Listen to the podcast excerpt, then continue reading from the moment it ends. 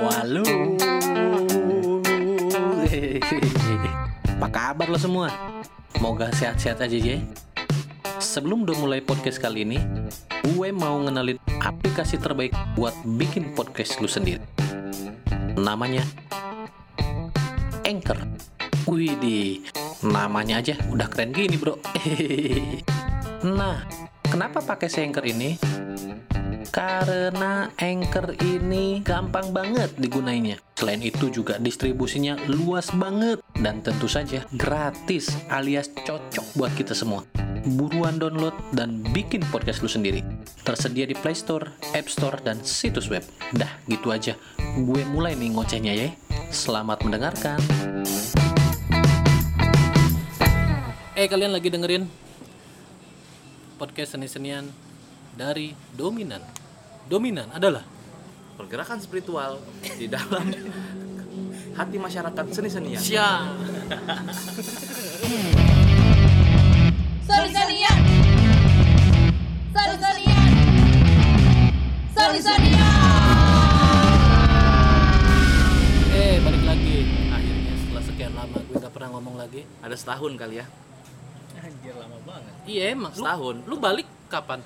Iya. Januari enggak dong. Enggak. Sebelum Januari malah gua udah balik. Jadi tahun baruan gua kan pas di Kalimantan kemarin. Iya. Januari gila Oh, Januari ya. ya Kalian setahun. kalau kalau punya eh, permasalahan rumah tangga kayaknya diselesaikan baik-baik aja di rumah. setahun lah, intinya setahun. Ya, kayaknya setahun. Gue berhenti podcast gara-gara gue tidak menemukan partner partner yang sesuai aja menurut gue. Asik. Selama setahun ini gue merasa hampa. Hampa dirimu. Tanpa Tanpa Jadi gimana? Lu ke mana aja, Prin? Ya ampun. Lu ke mana aja? Ini permasalahan utama ada di lu soalnya. Soalnya podcast ini gak jalan gara-gara lu. Ih, jangan gitu juga dong. Iya, iyalah. ya kan? Omset 100 juta tuh hilang gara-gara lu pergi. Meninggalkan. Iya 100 juta per, per bulan kan itu. Per bulan. Padahal nggak punya sponsor loh dominan ini Ya ya. punya. Gusti Allah Foundation. Belum ada tuh satu pergerakan yang berani ngambil Gusti Allah Foundation. Gak pernah ada. Dilindungi Balik tuh. balik gua Kalimantan cuy. Kalimantan ngapain tuh? Ya Lu di prank orang tua lu kan? Iya. ceritain gue. Kenapa lu sampai memutuskan balik? Ceritain gue. Jadi ceritanya tuh orang tua gue tuh suruh pulang, suruh katanya sih bisnis bengkel. Suruh ngurusin bisnis bengkel. bisnis bengkel. Ah. Pulanglah gue ini kan. Sampai sana udah berjalan seminggu, dua minggu, tiga minggu, sampai sebulan, dua bulan. Nunggu, nunggu, nunggu. Akhirnya gue nggak nahan kan nanya. Gimana nih, jadi nggak nih kerja di bengkel gitu? Ah, kayaknya nggak cocok kamu di bengkel. Cari kerja yang lain aja gitu. Kalau ada kerjaan tawaran ambil aja. Nah, akhirnya gue jadi barista sekarang. Wih. Jamu apa puyung upik apa ya? Anjing lu meninggalkan podcast hanya demi jadi barista. Gak bisa, gak bisa. Terus lu ngapain ke sini? Nyari waktu libur aja, cuy. Wih, gila udah kaya ya. Iya. Enak ya kalau jadi orang kaya, iya gak sih? Gue tuh nggak mau bersahabat cuma sama duit gitu kan. Sama orang juga. Eh podcast kali ini kita bareng sama Prima nih, sesosok, sesosok makhluk hidup Halo guys. yang sudah lama menghilang yang biasanya jadi partner gue. Gue jadi males karena ngerasa kalau gue ngobrol sendiri itu tidak terlalu art, jadi Curhat. terlalu curhat. Terus selain Prima kita dibarengi lagi oleh salah seorang musisi ternama dari Pulau Kalimantan. Wih, Siapakah dia? bertat Jeng, jeng. bertato terus sering nge-gym dan pernah ditilang karena tidak pakai masker. Daniel Nuhan. Bukan dong. Iya, Ada- Tato ngejim juga. Ada kakak Uya Moris Halo. Dari Kalimantan. Kalimantan. Terus juga kita dibarengi oleh seorang musisi yang telah melanglang buana di seantero jagat permusikan. Sekarang jadi youtuber, of influencer dan selebgram. Berasal dari Lampung Timur. Bukan ya? Bukan ya? Bukan. Anak kota dia. Lampung Tenggara. dia. Dia anak kota dia, cuy. Ada Jeko Siena. Woi. Masih melekat nama Siena di situ. Ini agak-agak teriak gara-gara ada di depan ini loh. Makanannya baru Ada makanan di depan. Padahal dia udah mau merubah jadi Jeko Art tadi ya. Enggak, dia berubah jadi Jeko ini. Eh, lu pisang pakai sambel aja. Oh, Kalimantan. Jiko Apa namanya? Sanggar, sanggar. Sanggar. Sanggar. Sanggar pisang Betawi. Ke mana aja ngobrol? ini Jeko tuh siapa Jeko Bujana Wih, nama bujangan cuy. senang nggak lu kalau dibilang Jeko Bujana Enggak. Kenapa Berarti gua tua banget cuy. tapi kalau rezekinya sama senang nggak lo banget. oh enggak kalau gua enggak harusnya lu lebih tinggi lagi Enggak, gua cukup. tapi cukup ya lo belum ada callingan lagi nih Belum. dari Bujana belum ya tolong Bujana sekali-kali collab sama dominan bisa kali Iya. main apa ya tapi sama dominan main art Dominan kemanitarannya. Ih Showcase dulu main di showcase. buset keren juga Dewa Bujana main di Sokes keren juga tuh di parkiran Etno Bangsat. Dan tidak kalah spesial kita kedatangan seorang eh, salah satu teman dari jauh. Dia sering membuat acara di lokal Stop. Heroes. Power Hero dan juga di apa ya? Ya di sebuah daerah lah. Sering diperbincangkan di TV lokal maupun nasional kita sambut hingga dia Nikita Mirzani Padahal dia mau nyebut ini Mama Dede. Ada Nabila, salah satu dosen dari Unila. Unila kepanjangan dari apa coba? untuk inilah kita menggila Kurang nih, kurang. Udah lama jadi tektoknya agak kurang ya. Iya, lu suka spontan sih kan gua masih tempo Uhuy. Iya. Ih. Bagus kan responnya. Tidak penting ya. Jadi kita akan membahas apa nih, Prim? kita mau ngebahas ini nih apa ya monitor aja sih apa yang ada di 2020 Monitor dalam artian?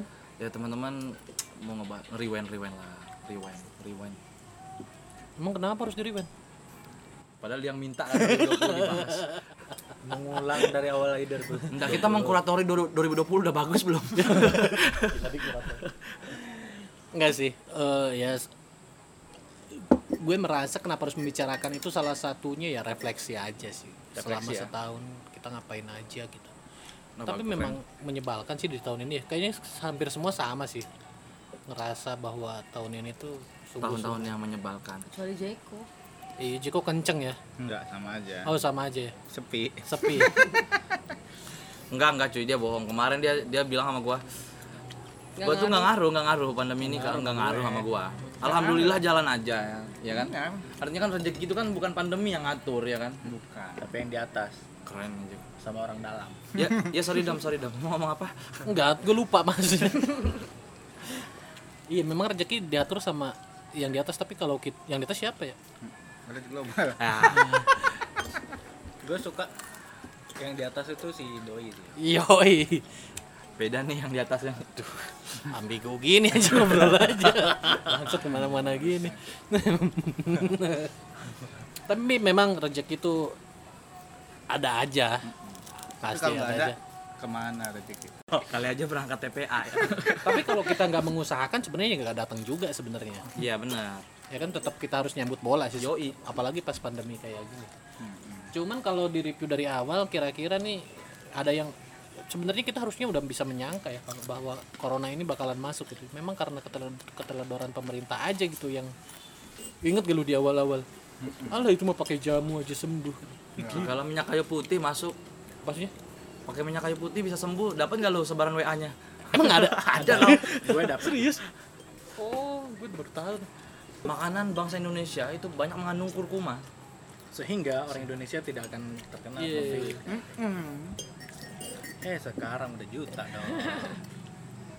tapi memang ini ya di awal-awal terjadinya corona tuh ya ini dilematis juga sih sebenarnya di awal-awal corona tuh kita kayak ngerasa ketakutan semua gitu ya Bil kopi pakai masker padahal itu kasusnya sehari eh apa per hari ya pal- paling cuma seribu Iya sih. sekarang per hari udah 500 ribu terus kita malah lebih santai daripada ke- kayak udah bersahabat aja udah gue lagi nggak santai sih ini. Karena mau ter mau Emosi pulang, bawahnya. terus terbang emosi terus gue cuy.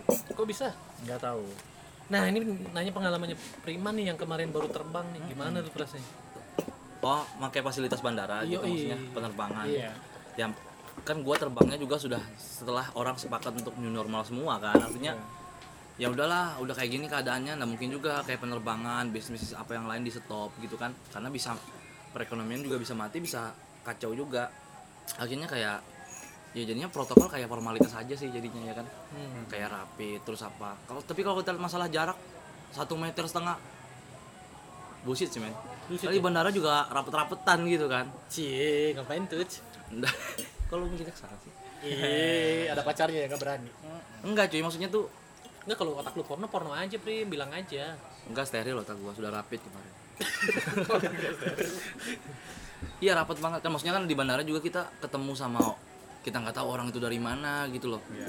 dan kita megang apa aja di bandara tuh ya macam-macam lah men. Kalau masalah eh, kemungkinan untuk masuknya virus itu walaupun kita udah pakai masker dan segala macam jadi gue pikir protokol tuh kayak ya kita yang ngikutin aja sih formalitas Sistem, aja. sistem. Ah, sistem aja. Ya akhirnya eh, yang bisa menjaga diri kita ya diri kita sendiri. Pada akhirnya kan kayak gitu aja berarti kesimpulannya. iya lah gue kan 0 km Hah? padatnya juga Oh, Jogja. kayak nggak ada pandemi Jangan ngomongin Jogja bahaya ya. Suka diprotes. Di mana aja enggak? di mana aja sih tempat wisata kayaknya padatnya juga kayak nggak ada pandemi ya karena dilematis juga maksudnya ketika ini nggak berjalan juga ekonomi nggak akan tumbuh lagi gitu. iya di tempat gua Pada akhirnya ya udahlah ya gimana. warung-warung kopi tetap padat memang dilematis sih eh, hidup di negara berkembang gitu terus ter- terjadi bencana kayak gini tuh yang bisa menyelamatkan. Maksa untuk memakai teknologi negara yang udah maju. Eh, bukan ten- cuma teknologi tapi ya ngomongin kesehatan ya, apa pun itu beresiko semua gitu karena Iya. nggak siap. Tapi beruntungnya kita bisa bertahan sampai sejauh ini wih gila. Tapi ini nih gue ada pertanyaan emang sih. Kan Jeko kan sering banget nih ibaratnya tuh job job panggung. Gue mah penasaran dari Jeko nih maksudnya tuh setelah virtual kayak gini nih gimana tuh maksudnya Jeko ngalam ngerasainnya kayak mana Kalau kemarin emang sepi sih. Sem- Tapi untungnya itu aja. Ada aja loh. Kalau buat makan aman lah. nah kita nanya mumpung ada bu dosen nih gimana Bu dosen pendidikan virtual gimana A- ada Lebih beda seru ya? ada nggak nih bedanya ada Beda lah banget lah. gue dandannya dari dari kepala sampai pinggang doang kata dia maksudnya di bawah kita pakai celana tidur. Kalau uji skripsi itu cantiknya cuma dari itu doang, celananya tetap gue kira cuma gue kira cuma mahasiswanya doang yang kayak gitu ternyata dosennya juga Ya kan nggak kelihatan. sama aja ternyata. Beda banget sih. Dan lebih banyak gak enaknya sih. gak enaknya apa nih Karena mungkin gua ngajarnya kan praktek ya. Kita ngajar tari, misalnya tari bentuk. hmm. ya yang badannya dilihat secara langsung dipegang secara langsung aja belum ini gitu apalagi cuma nonton akhirnya gue cuma bisa bikin video tutorial mereka dan mereka bikin video respon kirim lagi ke gue gitu kan ya jadi kayak lebih ribet lah ya. Heeh, ribet satu. Dan yang kedua ya kayak kayak di YouTube aja jadi merekanya gitu kan. Terus kalau misalnya kalau misalnya ngajarnya misalnya teori-teori yang eh, biasanya diskusi atau apa gitu kan. Kendala lagi sama jaringan tadi sama internet tadi. Nggak maaf nggak bisa masuk. Ini sinyal di sini susah banget gitu apalagi mereka harus pulang ke rumahnya masing-masing. Bukan cuma internet nih ada lagi ada masalah lagi. Gue pribadi deh misalnya kalau ngajar tuh harus di, tinggal di kota. Ketika pulang ketika lockdown kemarin pulang ke rumah orang tua kan. Dan orang rumah tuh kayak nggak mau tahu ini tetap belajar online gitu loh. Kita Iya, iya. masih punya tugas rumah yang harus lagi ngajar terus tiba-tiba ada harus ngerjain yang lain. Dan itu bukan cuma bukan cuma gue sebagai dosen tapi mahasiswa. Sebentar bu lagi ini bantuin ibu. Sebentar, lagi ini angkat ba- jemuran." jagain adik kan iya, iya, iya. iya itu susah malah malah itu yang nggak enak banget sih. Memang tidak siap memang. Cuman gue yang siap di sini. Gue ini mau mau nyautin tadi yang Nabila ini. Tapi ada satu fenomena nih yang misalkan guru atau dosen suruh muridnya ngupload di Instagram. Mm-mm. ngetek nama dosennya. Iya. terus sama dosennya tuh nggak diapa-apain. Itu kurang ajar sih dosennya kata gue. jadi kayak pansos doang ya? Iya menurut gue itu se- salah tuh buat guru-guru atau pengajar-pengajar. Ya kalau misalkan anak didik lu disuruh buat sesuatu dan diupload di media sosial ya lu re- apresiasi. Apresiasi. lah dengan cara di share ulang sih udah paling bener sih menurut gue. Biar teman-teman lu juga lihat uh, potensi-potensi yang dimiliki oleh murid-murid lu. Iya, gitu sebenarnya. Eh, emang egois tuh dosen-dosen sama pengajar. Untung gue gak jadi dosen. Nggak nggak keterima aja. Nggak daftar anjing memang gak ada lowongan masih masalahnya ada ya pembelaan kayak gitu ya. Tahu lah memang paling gede men di tahun ini itu. Yang akhirnya merambah menjadi isu-isu yang lain. Kayak akhirnya mungkin karena efek stres juga ya masyarakat ya jadinya macam-macam lah kejadiannya. Ya nggak sih? Iya. Kacau. kita kan sekontak-kontakan juga tuh kayak akhirnya tuh eh gimana di sana? Kalian jadinya gimana? Gini-gini sampai gua ngeliat ada eh, bantuan dana untuk seniman apa? Yang Seniman apa? Main pengangguran. seniman nyusahin ya, itu pun lama tuh. kayak gitu gitu eh kau udah daftar belum ini ini ini, ini. lumayan lo dapat segini lumayan lo dapat segini Nggak daftar itu Gue juga nggak daftar. gue nggak ngerasa seniman cuy Dia ustaz ya.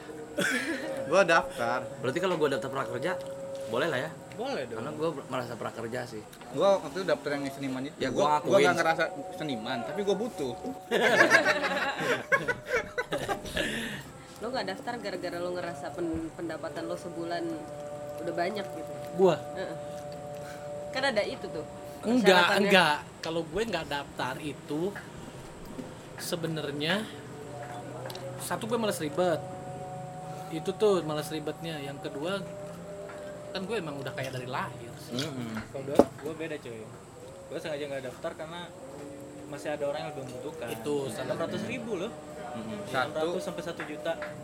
Iya kan? Enam enam sampai satu juta kan? Kalau gue bacanya dulu ini, di situ syaratnya tuh untuk yang sudah berumah tangga kalau nggak itu salah. lebih diprioritaskan. Nah makanya gue nggak daftar karena belum berkeluarga. Jadi promo. ketika ada yang minat, marilah kita berkeluarga.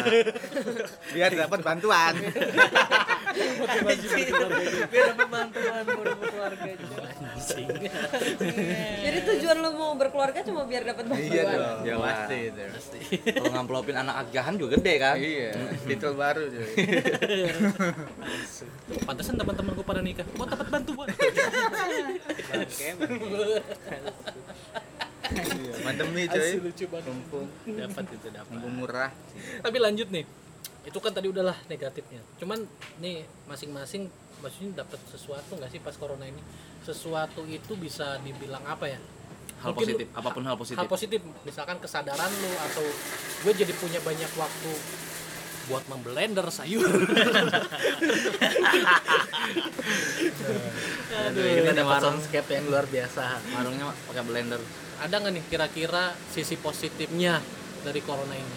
Ada lah. ada pasti. sih ada Pasti ada positifnya. ada sih Yang jelas pertama ya itu tadi olahraga ya. Yang jelas selama aku di Jogja itu gak pernah olahraga. Jadi Hmm. olahraga meskipun sekarang pun udah vakum ya. Tapi seenggaknya udah udah inilah ngelatih Vakumnya jantung. cleaner nggak nih? Apa? Vakumnya cleaner. No. Yo. lima bulan ya lima enam Iya, bulan lah ya. 6 bulan loh lari. Olahraga lu? Iya. Wih. Hampir setiap hari. nih. tiap hari lu cuy Yang kedua itu tadi apa ya? Masalah teknologi. Jadi kita mendalami mau nggak mau kan kita harus mengikuti kecanggihan zaman lah ya. Iya, kecanggihan iya, zaman, iya, kecanggihan teknologi lah ya. Jadi dari yang nggak ngerti apa itu Zoom, kayak mana ini jadi Iya. tahu gara-gara kuliah Iya. misalkan. Terus ya ngulik-ngulik jadi ada waktu bener kata kita ada waktu untuk ngulik. Misalkan video atau musik gitu. Mungkin kalau nggak ada corona mungkin ya kita kelayapan terus gitu kan. berarti ini ya apa yang yang paling dasar banget tuh sebenarnya jadi banyak waktu untuk diri sendiri ya nggak sih nanti entah diisinya dengan cara dia galau kayak atau dia belajar atau dia malah ngulik apa yang selama ini diabaikannya begitu saja ya kan? Tapi lu Riz, kalau lu ada berkarya nggak di kor- Kalau- pas corona ini? kalau di corona ini kan awalnya memang gue mau nulis awalnya itu. Be- beberapa kerangka tulisan tapi ya dipendam aja akhirnya. Dan malah aku memanfaatkan selain belajar ya menggunakan waktu yang luar biasa lenggang sekali ini untuk cokil Bisa bikin, bikin aja. karya sih bikin karya yang Tapi jadi produktif nggak sih pas corona ini? kalau Iya. saya ya gue lebih produktif gue lebih produktif tidur sih gue lebih produktif jadi aku malah malah eh, awal-awal itu malah dua hari sekali itu aku ngonten ngonten gitu jadi setiap dua hari itu aku pasti bikin bikin entah itu cover. Tapi terakhir-terakhir aku mikir kayaknya gue harus punya karya sendiri nih. Udah jadi album sih sebenarnya. Kalau karya yang, yang ya selama corona ini yang memang mau tak apa namanya keluarin nanti 2021 lah semoga. Apa namanya Tuhan mengizinkan lah ya. Ngizinin kan, kan, kan teman kita. Yoi. Dia yang mewadahi kita. Oh, juga kan. Kalau Bu dosen, apa ya waktu sih yang pertama apalagi yang awal-awal tuh masih awal-awal kan langsung pulang ke rumah orang tua gitu. Setelah lulus SMA padahal orang tua tidak mengharapkan kamu. iya mengharapkan. Setelah lulus SMA tuh 10 10 tahun ya. Jadi tahun ke-10 yang Ramadannya tuh full di rumah. gue malah lebaran ini nggak balik. Kalau lu kan memang ini kayak emang art. Art. aliran A Tapi semakin semakin ke sini tuh malah kok malah jadi nyaman ya. Maksudnya biasanya tuh Jadian lu. Iya jadian sama corona. Biasanya tuh kayak ter terkekang sama sistem sistem di tempat kerja gitu kan yang harus datang, harus jam segini sampai jam segini ada di situ gitu. Karena seperti ini jadi fleksibel gitu. Ada kerjaan-kerjaan lain yang juga bisa diselesaikan akhirnya. termasuk proposal-proposal ke pemerintahan ya Nah, Iya. Apalagi kita bahas apa lagi? Padahal kita tuh mau bahas apa-apa yang di 2020 kan. Tapi nggak sadar lu bahas pandemi. Artinya kan memang pandemi yang mendominasi di 2020. ya emang dari awal tahun cuy. Ya emang dari Maret apa ya? Sisanya cuma Januari sampai Januari, Februari, baring-baring baring-baring baring 2021. tapi gue bersyukur kalau di dominan bersyukur. Gue masih tetap bisa produktif membuat segala sesuatu. Showcase masih ada lah walaupun satu Blender juga. Blender masih hidup gak? blender masih ada.